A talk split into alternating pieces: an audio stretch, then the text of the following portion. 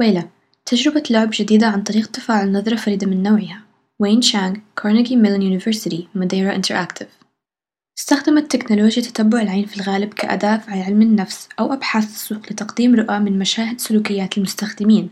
بذلت محاولات قليلة لدمج متتبعات العين في ألعاب الفيديو حيث كانت بديلة للماوس أو عصا التحكم. ويلا هي لعبة أصيلة تستفيد من الخصائص الفريدة غير المتوفرة خلال أجهزة الإدخال التقليدية.